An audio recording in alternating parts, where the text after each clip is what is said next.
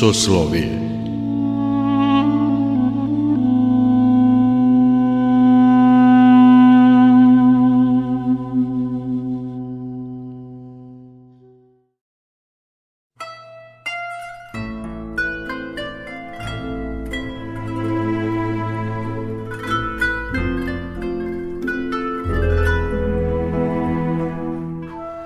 Slušate Soslovije, religijski nedeljnik Radio Novog Sada. Ja sam Mirjana Ranković.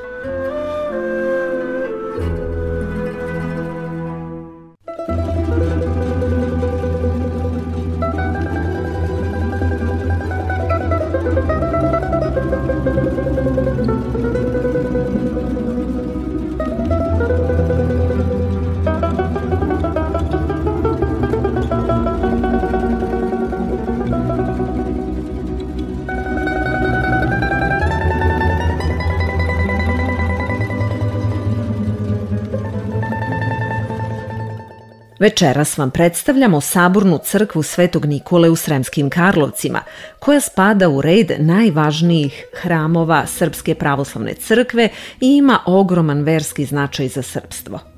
Hram ima i veliku kulturno-istorijsku važnost – Zavod za zaštitu spomenika kulture Vojvodine kategorisao je Sabornu crkvu kao kulturno dobro od izuzetnog značaja, jer se u njoj, pored fresaka, slika Paja Jovanovića i drugih vrednih verskih i umetničkih predmeta, nalaze i dve relikvije – delovi moštiju drugog srpskog arhijepiskopa Svetog Arsenija Sremca i čudotvorna ikona presvete bogorodice Bezdinske.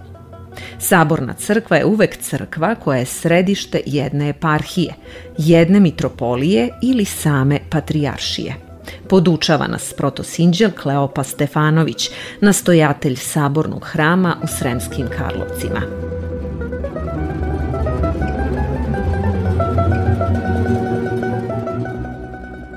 Jedna od najlepših građevina u centru Sremskih Karlovaca je saborna crkva Svetog oca Nikolaja. Ona je sagrađena u period od 1758. do 1762. godine za vreme uprave mitropolita Pavla Nenadovića, a na tome mestu gde se sada nalazi saborni hram, bila je jedna mala crkva posvećena istom svetitelju. Saborna crkva Svetog Nikola u Sremskim Karlovcima je glavni i najveći pravoslavni hram u Sremskim Karlovcima, smešten iz nekadašnje sedište Srpske patrijaršije, a to je naš stari patrijaršijski dvor, a danas sedište naše eparhije Sremske. Saborna crkva je uvek crkva koja je središte jedne eparhije, jedne mitropolije ili same patrijaršije. Gradnju ove crkve pomogli su crkveni velikodostojnici mnogobrojni vernici sa područja čuvene Karlovačke mitropolije. A projekat za ovaj velelepni hram je poručio mitropolit Pavle Nenadović na jednom od svojih brojnih boravaka u Beču, donevši prethodnu odluku da crkva bude podignuta u baroknom umesto u tradicionalnom stilu. Nažalost, kako je stradao naš narod, tako je i stradao ovaj sveti hram i više puta je stradao, a najveće stradanje je bilo u velikome požaru 1799. godine koje je zahvatio Sremski Karlovce i tom prilikom je izgoreo južni toranj, a i krov. Poslednja velika obnova hrama bila je 2010. godine kada je uređena kompletna unutrašnja restauracija i to sve sa blagoslovom našega vladike episkopa Sremskog Vasilija. Moramo istaći da saborna crkva je spomenik kulture od neprocenjivog izuzetnog značaja. Gradnja saborne crkve Svetog oca Nikolaja u Sremskim Karlovcima započeta je 1758. godine i zaslugom Karlovačkog mitropolita, kao što rekao smo Pavla Nenadovića, po planovima koji su izrađeni u Beču. Majstori graditelji bili su Kosta Cincarin, i Nemac Johannes. Godine 1760. zidani su toranj i kupola po projektu Zahari Orfelina, a crkva je potpuno završena 1762. godine. Ugovor za slikanje ikonostasa sklopljen je 1780. godine sa slikarima Teodorom Kračunom i Jakovom Orfelinom. Praznične ikone i dveri su Kračunove, dok su ostale ikone Orfelinov rad. Saborna crkva, moramo naglasiti, umjesto barokne dobila je renesansnu fasadu. Posljednja obnova crkve bila je 2010. godine i evo da se pohvalimo da će uskoro hram Svetog Oca Nikolaja u Sremskim Karlovcima imati novu fasadu jer evo pre dva meseca su počeli novi radovi na fasadi, restauraciji fasade našega sabornog hrama. Treba istaći da se u našem hramu čuvaju mošti svetoga Arsenija Sremca, drugog arhijepiskopa srpskoga i da se čuva čudotvorna ikona presvete bogorodice Bezdinske pred kojom svakodnevno se mole i naši bogoslovi, mnogobrojni hodočasnici i turisti koji sa ljubavlju dolaze u naš sveti hram.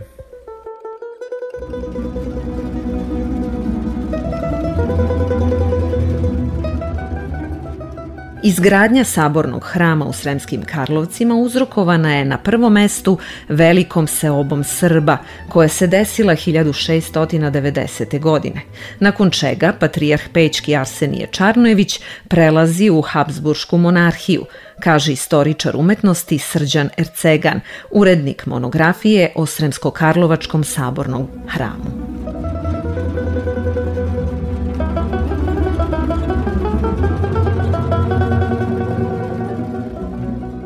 Svakako je izgradnja sabornog hrama u Svenskim Karlovcima uzrokovana na prvom mestu velikom seobom Srba koja se desila 1690. godine, nakon čega patrijarh Pećki Arsenije Čarnević prelazi u Habsburgsku monarhiju i u nizu migracija se na ovim prostorima naseljava dosta etničkih Srba. E sad ono što je tu sad bitno da kada je patrijarh stigao Arsenije Čarnević, kada je stigao u Srem, tadašnji, odnosno današnju Vojvodinu, on prvo nije imao, nigde nije imao neko mesto gde koje je bilo određeno za njegovu rezidenciju, nego je on odlazio bio je u Krušedolu, pa je on, tako selio se iz mesta u mesto. Tako da, da je to njega onemogućilo da uopšte misli, a i istorijske okolnosti su bile tako teške u izgradnji nekog katedralnog hrama, odnosno hrama gde se nalazi katedra episkopa i jerarha koji je nadležan za tu neku oblast.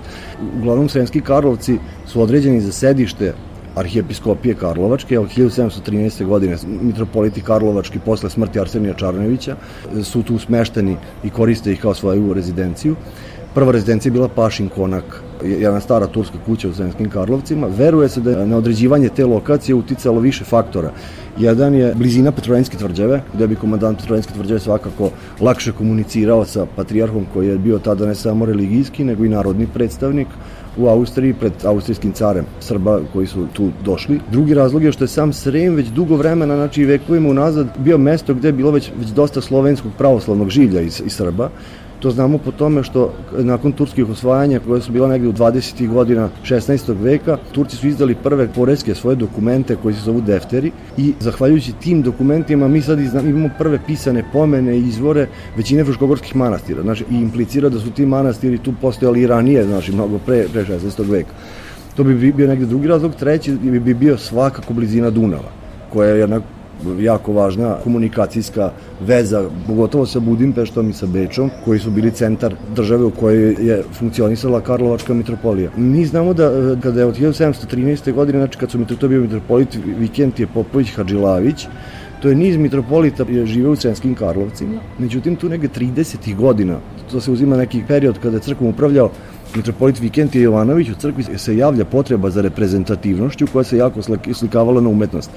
To vidite po tome što su uopšte i arhijereji predstavljani u tim odeždama raskošnijim e, koji su pokazivali njihovo prvenstvo i njihovu ulogu ne samo verskog nego i političkog vođe. Tada se i beleži prvi put neka reprezentativnost na dvoru, da episkop ima potrebu da njegov dvor liči na dvor mađarske aristokratije, da, da uzimaju, ne znam, nemačke kuvare, Razlog tome je bio e, ta uloga e, poglavara Karlovačke mitropolije kao predstavnika naroda i kao dostojanstvenika jedne staleški organizovane Habsburgske monarhije. I to je prosto bilo nametnuto kao potreba.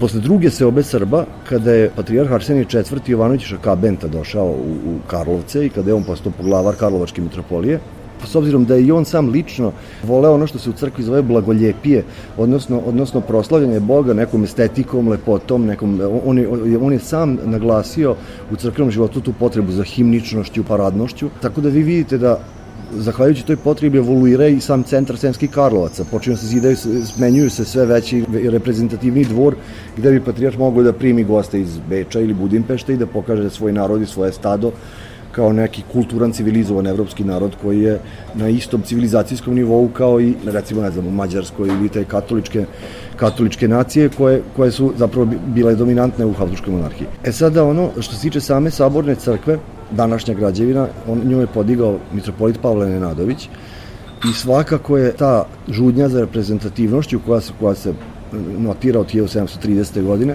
30. godina, ona je, se oslikava maksimalno na tom objektu. To je pogotovo očivo u tom njegovom baroknom stilu, tom njegov, on, on je, on je podignut kao jedna velika građevina sa dva tornja sa, sa, i, i naročito i osobito po ikonostasu, koji se uzima kao jedan od najreprezentativnijih baroknih ikonostasa koji je podignut u novim prostorima. S obzirom da je ta crkva kao barokna građevina trajala sve do 1910. godine, kada je urađena njena velika rekonstrukcija, to je tada u Karlovcima, je, to je započeo veliki ne, ne, neumorni neimar patrijarh Georgije Branković, a zapravo je završio i uspešno proveo u delo patrijarh Lukijan Bogdanović, i tada barokna fasada saborne crkve dobija današnju neorenesansni izgled da bi bila harmonizovana sa patrijaršijskim dvorom koji je umeđu vremenu sazidan i uopšte tada ideja i to se i zna i patrijarh e, Lukijan to i nije krio, on je želeo da napravi nešto što bi bio najvažniji hram u njegovoj arhijepiskopiji koji bi svojim spoljnim izgledom i, i, i svojim interijerom odskakao od ostalih hramova. S obzirom da je tu sahranjeno e, desetak arhijereja, znači sahranjeni su mnogi srpski patrijarci i jedan episkop, Vojnović Georgije, temišarski episkop, želi su da na tom hramu daju namenu koja je do tada pripisivana Krušedulu kao nekog srpskog panteona, neko mesto gde srpski velikani, vođe, vođe e, Srba u, u Habsburgskom monarhiji imaju svoje grobnice i samim tim je bila težnja da najafirmisaniji umetnici učestvuju u njenoj obnovi.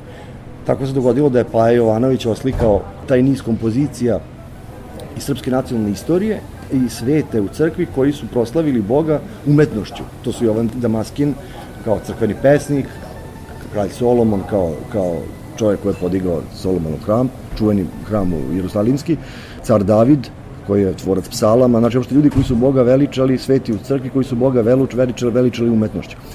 To je sad jedan zanimljiv detalj, Pa Jovanović je, je svako jedan od naših najprepoznatljivijih umetnika u 20. veku i on je, on je za vreme svog života oslikao samo nekoliko hramova, ne znam, crkvu Dolovu, sabornu crkvu u Novom Sadu, eto imao je te radove u sabornoj crkvi u Sremskim Karlovcima, a o njegovom značaju kao međunarodno priznatog umetnika govori podatak da je on radio i na mormonskom hramu u Salt Lake City u Americi u ono vreme, znači pre, pre drugog svetskog rata. Znači da se pre, prepoznavao se taj njegov talent mnogo šire izvan ne samo pravoslavne crkve, nego van Evrope. E sad zbog toga što je Saborna crkva katedralni hram, znači centralni hram i, i patrijaršijska crkva, tada bila, opet kažem, zbog uloge koju je Habsburgska monarhija dodelila patrijarhu kao, kao predstavniku Srba, oni su vodili, čak su metropoliti patrijarci nosili i dvorske titule tajn, carovog tajnog savjetnika, Normalno da je u tom hramu njegovu, njegovu unutrašnjost karakteriše i postojanje vladarskog prestola. Znači imate s desne strane arhijerejski tron koji je uobičajen,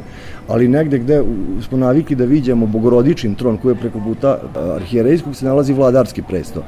Takođe, interesantno je da na ovim prostorima, to je znači vladarski prestoje, u njemu je zaista i ca, stajao car Franc Josif I kada je posetio Karlovce 50. godina 19. veka, to sve znači govori koliko je ta crkva bila, zapravo kako je ta njena paradna uloga nije bila uzaludna, kako gledamo da je on da je bila mesto i sedište tak i centar takvih nekih važnih poseta.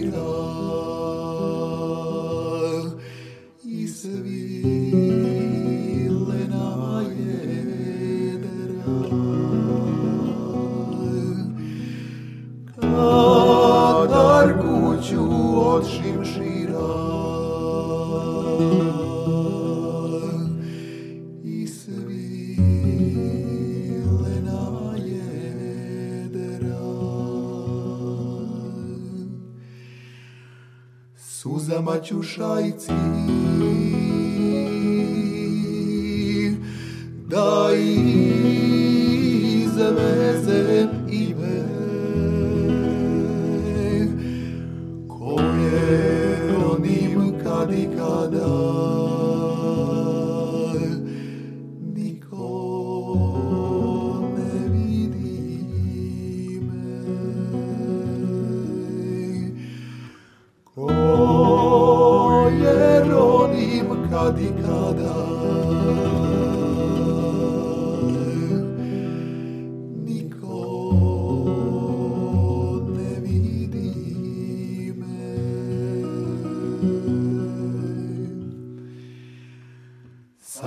będzie nasza ikona.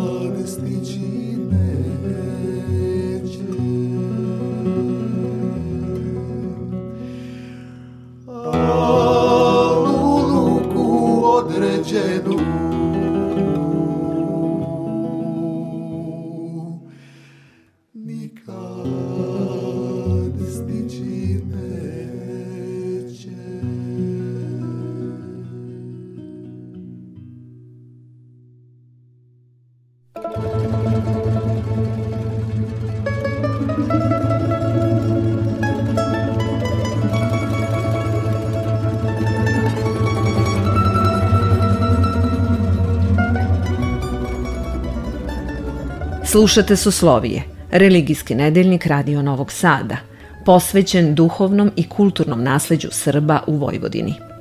Večeras vam predstavljamo Sabornu crkvu u Sremskim Karlovcima. Saborna crkva je jedan od prvih objekata podignut u baroknom stilu u srpskoj sakralnoj arhitekturi. Pre toga je u stilu baroka podignuta samo srpska saborna crkva u Temišvaru i jedna od Sent-Andrejskih crkava. Otkriva istoričar umetnosti Bogdan Janjušević iz Pokrinjskog zavoda za zaštitu spomenika kulture.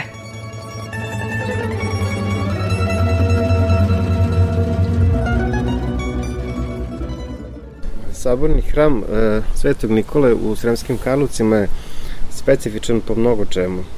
On se pominje u turskim spisima 1533. godine prvi put i u pitanju je crkva koja je podignuta verovatno krajem 14. ili početkom 15. veka, još u preturskom periodu i taj e, objekat je e, opstao e, na mestu današnje saborne crkve, odnosno na, na približno istoj parceli, malo smaknut u na današnji položaj, e, sve do izgradnje današnjeg sabornog hrama. Današnji e, saborni hram je sagrađen u periodu od 1758. godine do 1762. godine, znači četiri godine trajala izgradnja, a inicijator gradnje ovog hrama bio je mitropolit Pavle Nenadović. On je jedan od prvih objekata podignut u baroknom stilu u srpskoj sakralnoj arhitekturi. Pre toga je u stilu baroka podignuta samo crkva, Srpska saborna crkva u Temišvaru i jedna od Sent-Andrijskih crkava.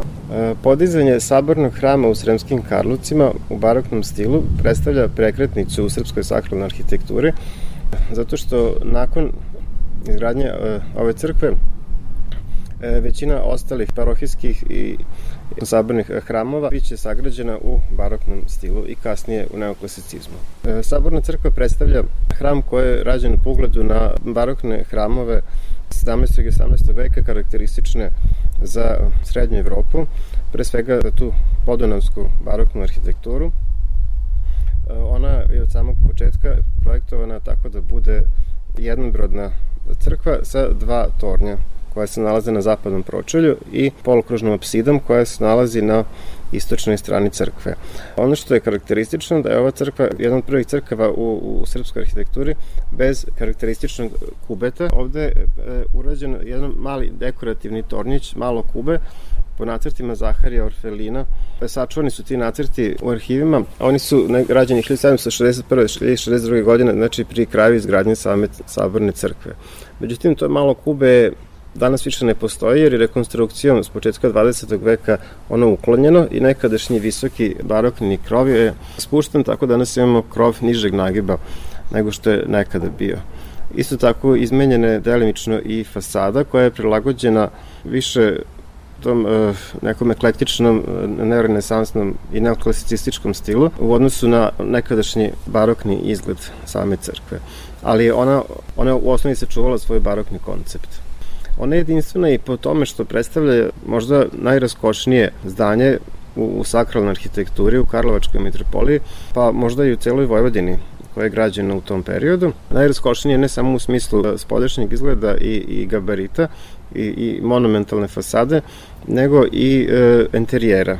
Interijer crkve krasi pre svega E, jedan od najlepših ikonostasa srpske e, umetnosti. To je ikonostas koji su radili e, drvorezbar Arsenij Marković iz Novog Sada. On je radio rezbarane delove od drveta periodu između 1775. i 1777. godine, da bi potom, kada je završena ta drvena konstrukcija sa tom raskošnom rezbarijom u baroknom stilu, potpisan ugovor sa Teodorom Kračunom, tada već renomiranim srpskim slikarom i Jakom Morfelinom, koji je bio nešto mlađe generacije, ali već za sebe imao mnogo ostvarenih značajnih dela. Ovaj dvojac, znači Kračun i Orfelin, su ostavili jedno od kapitalnih dela srpske umetnosti. I to je upravo ono što čini interijer Saborne crkve jedinstvenim. Ono što je interesantno da su oni uz pomoć nekoliko pomagača uspeli da završe sve u roku od jedne godine. A Teodor Kračun je Teodor Kračunu je ovo delo bilo i poslednje zato što je on okončao život toku radova na samom ikonostasu.